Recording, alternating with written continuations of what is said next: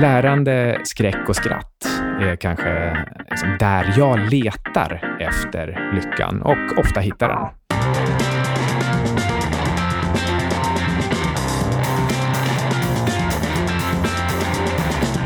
Du lyssnar på 25 minuter, en konversation om personlig utveckling. Producerad av Trade Venue AB. Vi har ett syfte i det här programmet och det är att ge verktyg och inspiration till förbättring. Jag heter Carl Mikael Syding. Med mig har jag alltid Ludvig Sundström. Idag ska vi prata om lycka. Och inte om den stora mullrande lyckan i bakgrunden, den som man får av att vara vid liv och fri och stark självkänsla, utan vi ska prata om eh, de små vardagliga glädjerusen ur olika perspektiv.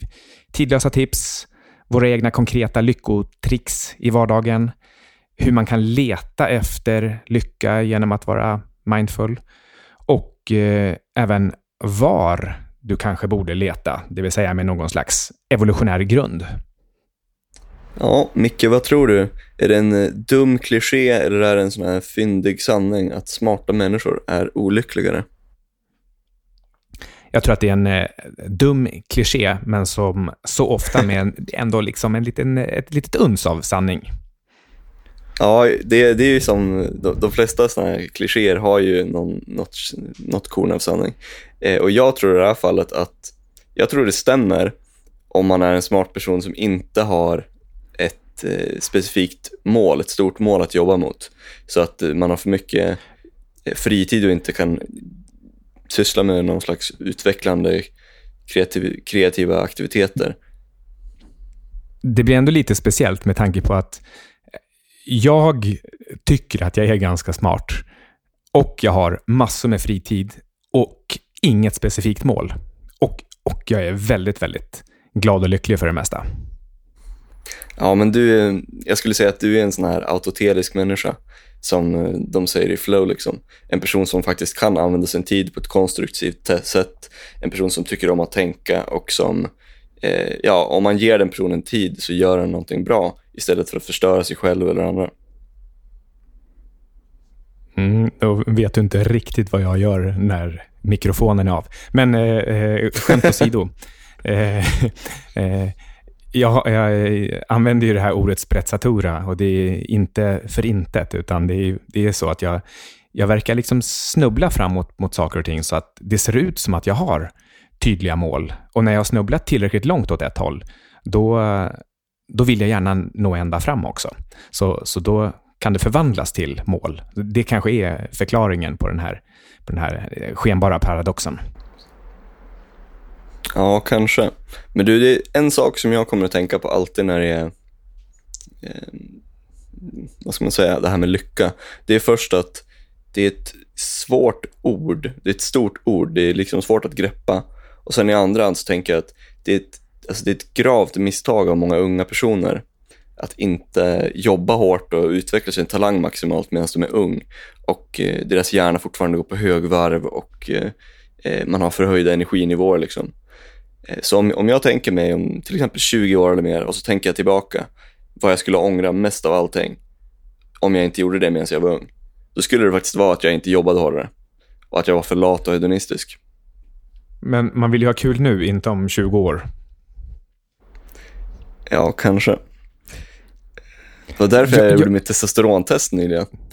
ja, hur gick det? Det gick bra. Jag har ökat från ungefär 580 till 680 eh, helt naturligt på en och en halv månad. Och det är, det är rätt bra. Det är en helt naturlig ökning som allt jag har gjort är, jag har ätit mindre socker, jag har rört på mig mer och eh, sen har väl säkert mycket kommit av bara liksom att eh, det man mäter, det får man mer av.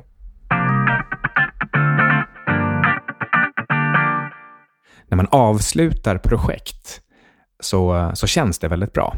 Man, har liksom, man, man, man når det här stoppet och sen kan man stå och beundra det lite grann ett tag. Jag brukar kalla det för att man, man behandlar livet som ett datorspel och så finns det bossar på vägen. Så ska man, man får fira varje boss som man besegrar lite grann. Och de, de här bossarna ska gärna dyka upp med hygglig frekvens. Ja, men det, det kan jag verkligen identifiera mig med. Eh, Det, det låter smart. Det finns ju en hel del sådana här antal, vad ska man säga, tidsbefriade saker som faktiskt gör en lyckligare. Och eh, det där, det där är ju en, en sån där småsak liksom. Jag skulle säga att det är mer av en metod än en strategi. Eh, men det är helt klart sant. Det där stämmer väldigt mycket för mig det här med att försöka, eh, på engelska säger man liksom continuity eh, och closure. Liksom det här med att du börjar någonting och du avslutar det.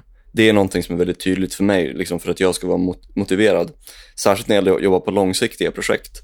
Att kunna göra någonting litet varje dag och känna att jag avslutar det. Kanske läsa ut ett kapitel, eh, kanske rita en teckning. Jag ritar inte så mycket teckningar, men du förstår vad jag menar. Eh, kanske spela in ett podcastavsnitt med dig. Liksom. Någonting som är väldigt konkret, att det här har jag uträttat idag. Mm. Eh, några andra lite snabbt sådär eh, tidlösa tips. Eh, ett som alltid återkommer, det är att man, eh, man ska vara tacksam. Och eh, rent konkret så brukar man säga eh, skriv upp vad du är tacksam för och, och repetera den här listan ofta. Du kan till exempel innan du går och lägger dig tänka på en sak som du är tacksam över för just den dagen, eller bara generellt en sak som du är tacksam för jämt. Och möjligen också någonting som du är tacksam för med morgondagen. Bara återkom till det här hela tiden. Då, då blir det, det blir liksom ett litet lyckorus varje gång som, som du är tacksam. Ja, det är en annan sak det är att ha ett tydligt mål. Och att jobba hårt också. Alltså, om man inte jobbar hårt, om man inte är trött, då, då tror jag man automatiskt är olycklig. Så var det för mig när jag var yngre. Att eh, jag hade svårt att sova för jag jobbade inte hårt nog, använde inte min hjärna nog. Jag höll ju på programmerade jämt. Så eh, jag kollapsade helt enkelt eh, någonstans i närheten av datorn. Och ja, ehm, jag var nog eh, långsiktigt ganska lycklig eller tillfredsställd av den här situationen. Men många gånger så satt jag i någon slags nästan superpositionerat tillstånd av extremt frustrerad. Buggletning är inte roligt. Och samtidigt i flow. För när man letar problem i sin egen kod, då måste man vara i sin absoluta topp. Det är, en absolut spetskompetens att liksom, hålla massor med saker i huvudet samtidigt och, och inse och hitta de där felen. Och det, det här blir en väldigt eh, speciell upplevelse av eh, ja, frustration och flow på samma gång. Okej. Okay. En, eh, en till sån här grej som eh, ja, en tidsprövad princip, det är också det här med att eh, ha familj och vänner och eh, en stam av jämlikar så att säga. Alltså ett community med folk som har liknande intressen. Och det de här sakerna, det är ju egentligen extremt fundamentala saker. Men eh, om man inte har det så, eh, ja, då kanske man ska tänka över det. Mm. Jag, är, jag är faktiskt riktigt dålig på relationer. Jag har svårt att upprätthålla eh, en, en bra frekvens med, med kompisar. Jag är ännu sämre på, på en frekvens med, med familjen. Och, och jag gillar verkligen att vara ensam också. Långa stunder, mycket. Och det minsta jag, jag får en känsla av att men nu, nu vill jag hänga med någon, då vill jag egentligen helst bara messa lite grann och, och, sen, och sen är jag klar. Eh, nästan mm. så att jag blir lite rädd om någon frågar, ah, ska, vi, ska vi käka middag? Då, då vill jag nästan eh, backa igen och liksom så här, oh, oh, nu, ja, men jag har nog lite saker att göra. Så, eh, så jag, är, jag är riktigt dålig på relationer. Men, men när jag väl kommer iväg, då, ehm, då är det desto, desto bättre. Plus också att om, om jag satt här hemma ensam och trodde att jag inte ens hade potential till relationer, ja men då skulle jag vara riktigt olycklig. Ja, du, du nämner ju här, eller man ska säga, att du är lite introvert. Och jag har en teori att kanske är det så att folk som är naturligt introverta, att de har en högre naturlig liksom, baseline, alltså grundnivå av oxytocin. alltså hormonet som man associerar med liksom att eh, eh, närhet, kontakt, eh, sociala relationer och så vidare. Jag, jag, tror till och med att vi har eh, eh, pratat om det i något avsnitt. Jag tror du, du har nämnt det här i alla fall, men det kanske inte, var, det kanske inte kom med i avsnittet. Och eh, ja, det, det är nog inte, inte alls omöjligt att man ja, som sagt har, har en hög nivå av det och, och därför är liksom lite klar redan. Men eh, eftersom jag, jag har eh, lite för eh, nära kopplingar till oxytocinexperter så, så vågar jag inte säga någonting mer om det här nu. Man kanske ska skilja på tipsen som, som är tidlösa som man dessutom hittar vid en enkel googling, då bara, bara rullar ut listor. Här är de 10 tidlösa tipsen, här är 50 tidlösa tips och alla tipsen är ju egentligen ungefär eh, må bra. Träna, sov, meditera, var ute i solen på dagen, klappa djur, ät inte för mycket socker och annan inflammatorisk föda och så vidare. Lyssna på glad musik. Alltså det finns, listorna är olika långa och innehåller liksom eh, mer eller mindre självklara tips, men som är ganska bra att läsa igenom. Men sen har vi våra egna eh, personliga, konkreta tricks också, som i och för sig eh, hänger ihop ganska mycket med de tidlösa. Men eh, eh till exempel så, eh, så, så, för min egen del så, så gillar jag att eh, eh fixa saker. Alltså laga någonting som är trasigt eller bädda sängen bara. Så, så enkla saker, så, så blir man liksom lite nöjd efteråt. Ja, det... Känner du igen det? Ja, det här med att bädda sängen ger mig inte så mycket tillfredsställelse, men jag förstår exakt vad du menar. I det övrigt på en så... högre nivå. ja, nej, jag vet inte. Men eh, ja, jag, jag tror du och jag har lite olika synpunkter rent filosofiskt med lycka. Jag tror jag är lite mer pragmatiskt inriktad och du är lite mer hedonistiskt inriktad kanske. Mm, jag, jag gillar att njuta och jag tror att jag också är, jag är lite kortsiktigare än vad du är. Dock, eh, dock ska, ska man ge dig cred för att du har ändå en slags, eh, vad ska man säga, du har en slags rationell approach till hedonism som tillåter dig att eh, både ha kakan och även äta den. Så att du kan, göra lite, du kan gå igenom lite så dekadenta perioder eller typ latare eller vad du nu vill göra, liksom, hur, var det, hur den är. Och ändå utan att du, du skadas av det, eh, varken liksom din hälsa eller dina finanser eller liknande. Medan många personer, de har inte riktigt, eh, de, de, vad ska man säga, de spiralerar ut ur kontroll. Och eh, det förstör hela deras momentum liksom, om de gör sådana saker. På tal om att vara ensam för övrigt, så har jag åkt till Japan ensam och eh, jag är i Kyoto nu.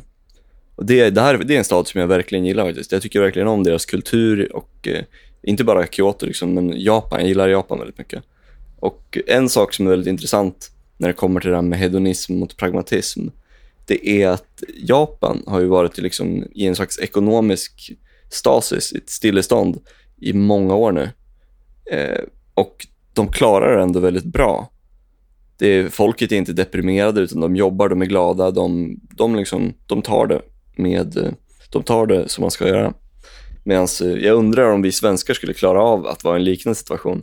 Eller om vi skulle starta en slags socialistisk kupp.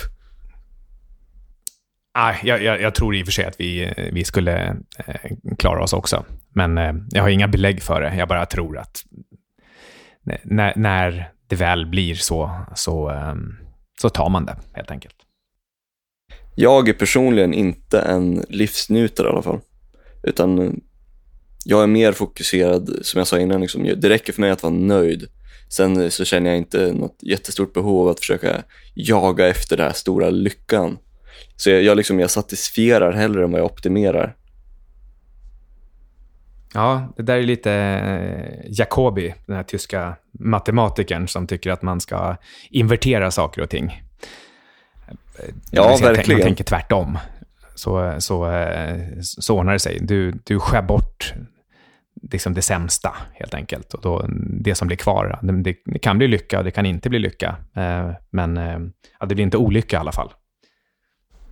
Jag, jag kör ju hellre lite grann på, på andra hållet. Jag, jag, jag, skulle inte vilja kalla att, det, att jag jagar lycka, för jag tror att det är fel. Jag tror lycka är mer en biprodukt av saker och ting man gör, än att man liksom ska försöka liksom jaga de där kickarna hela tiden. Det blir, det blir bara tomt. Men, men eh, i en slags överförd betydelse så är det ändå så att jag jagar lycka. Mm. Så här tänker jag. Det enklaste sättet att bli olycklig, det är att, ha, det är att vara sysslolös och inte arbeta hårt nog och inte ha några mål. Så dina mål måste vara etsade i din hjärna och du måste, du måste verkligen fokusera på dem så att det blir ditt default choice.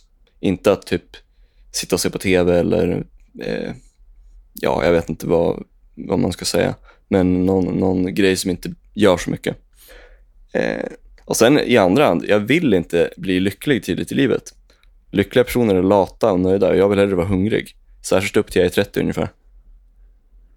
Ett, ett eh, smart, riktigt så här specifikt lyckotips som jag läste om häromdagen bara.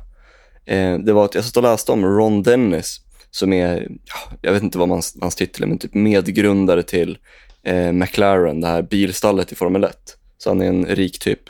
Och vad han gjorde är att han byggde ett jättestort kontor för sig själv upphöjt i eh, Eh, vad ska man säga, upphöjt i mitten av kontorsbyggnaden. Så att han kan sitta i sitt kontor och hela tiden se ner på resten av byggnaden och allt som pågår. Så att han eh, ser ner på sin skapelse och blir motiverad hela tiden att jobba, fortsätta jobba. Ja, men det där är väl, alltså, eh, jag själv skulle nog aldrig göra så, men jag skulle heller aldrig komma dit. Men, men med tanke på det här vi pratar om, att sitta och titta på sina avslutade projekt. Han, han kan nu i och för sig sitta och titta på sitt pågående projekt och bara liksom känna, sig, känna sig nöjd och vilja göra ännu mer av det där.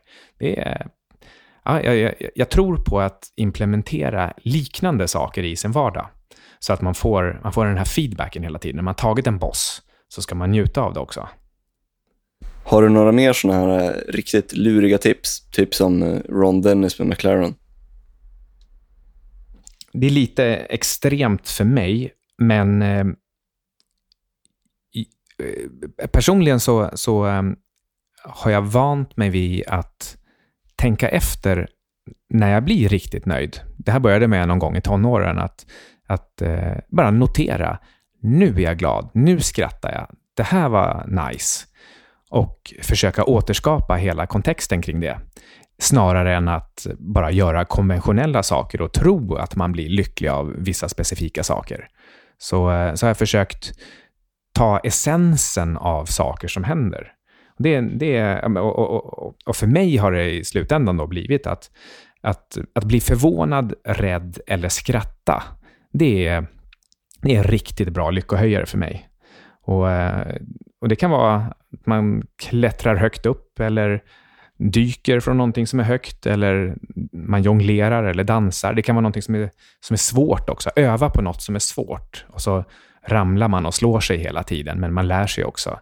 Så eh, lärande, skräck och skratt är kanske liksom där jag letar efter lyckan och ofta hittar den. Mm. Det, är ju, det är ju bra att du vet specifikt vad det är för grejer. Mm. Det tar ju tid men, att, att hitta de här sakerna, men, men eh, gör man det tidigt så har man ju sen ett, eh, ett helt liv med eh, glädje framför sig. Ja, då kan du ju, då kan du liksom strategiskt återskapa det varje dag. Ja, eh, precis. Det, det blir ganska lätt till och med. Och går jag runt och känner mig lite apatisk eller eh, Eh, glider ner på lyckoskalan, då, då vet jag att eh, jag behöver bara göra någon av de här grejerna. Det räcker egentligen med att eh, säga hej till en främling på stan, så stiger pulsen lite grann och efteråt så, så, så blir jag liksom lite glad. Så, så, så enkelt kan det vara. Det har du helt rätt i, det är jag också.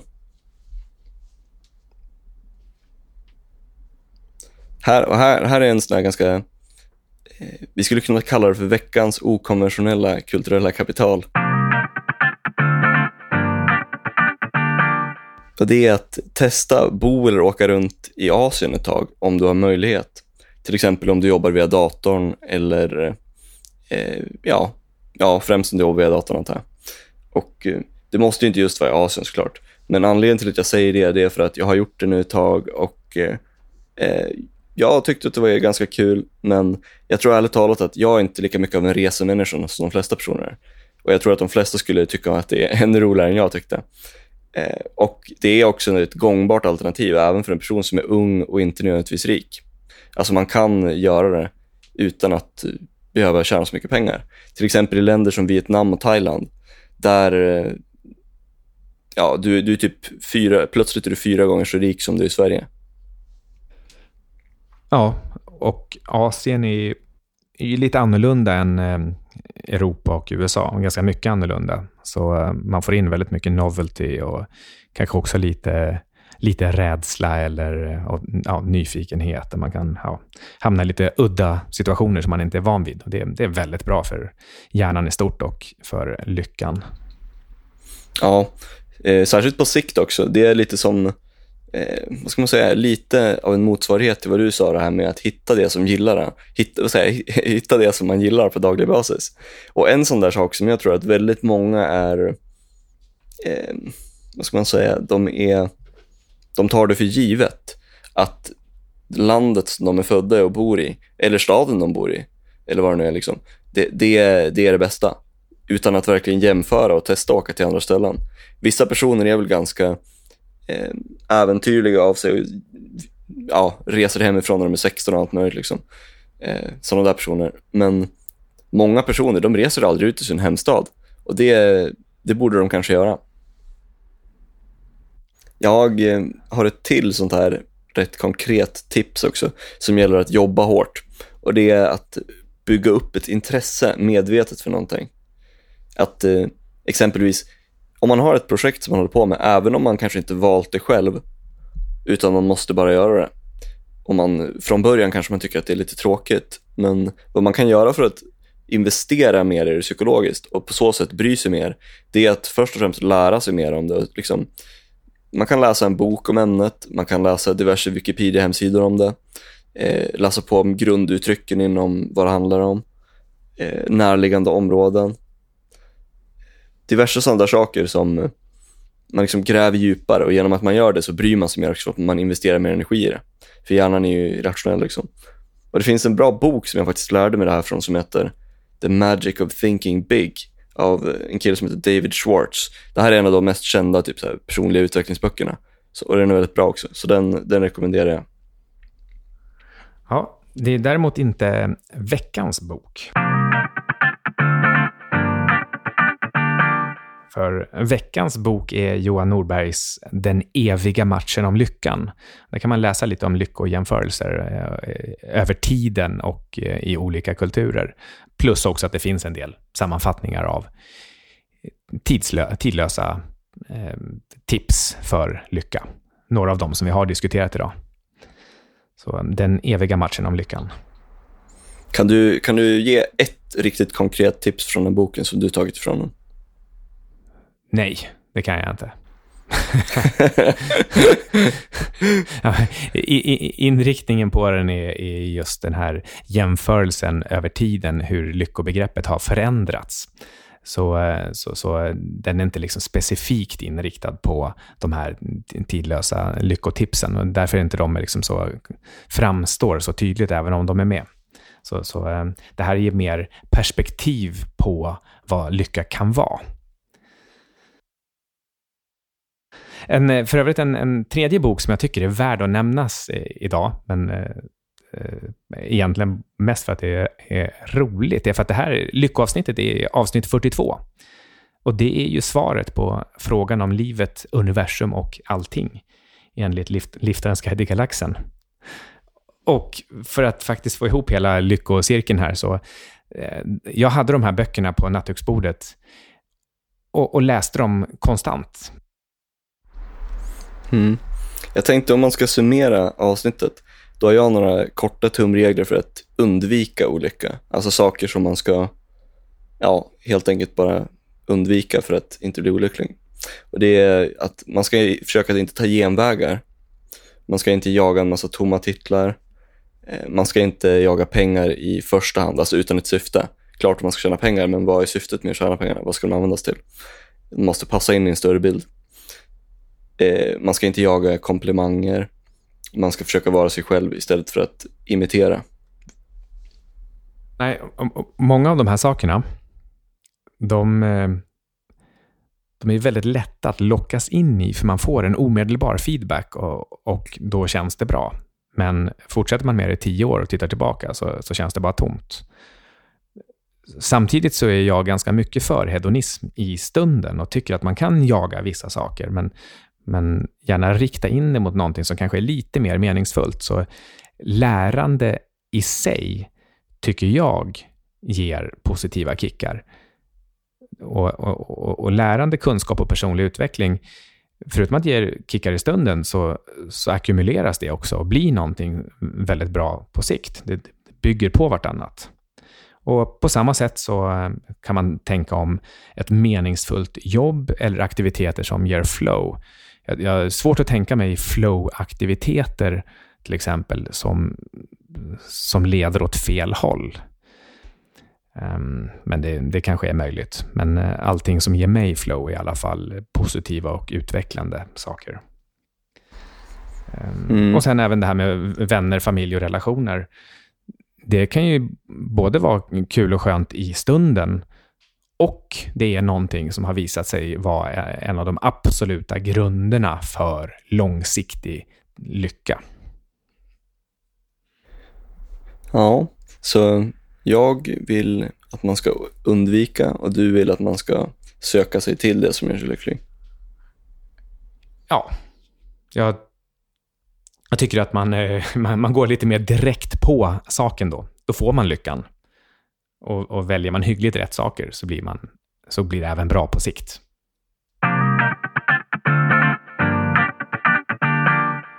Jag och Ludvig ska vara med på någonting som heter Investerardagarna som går av i Stockholm 7-9 oktober.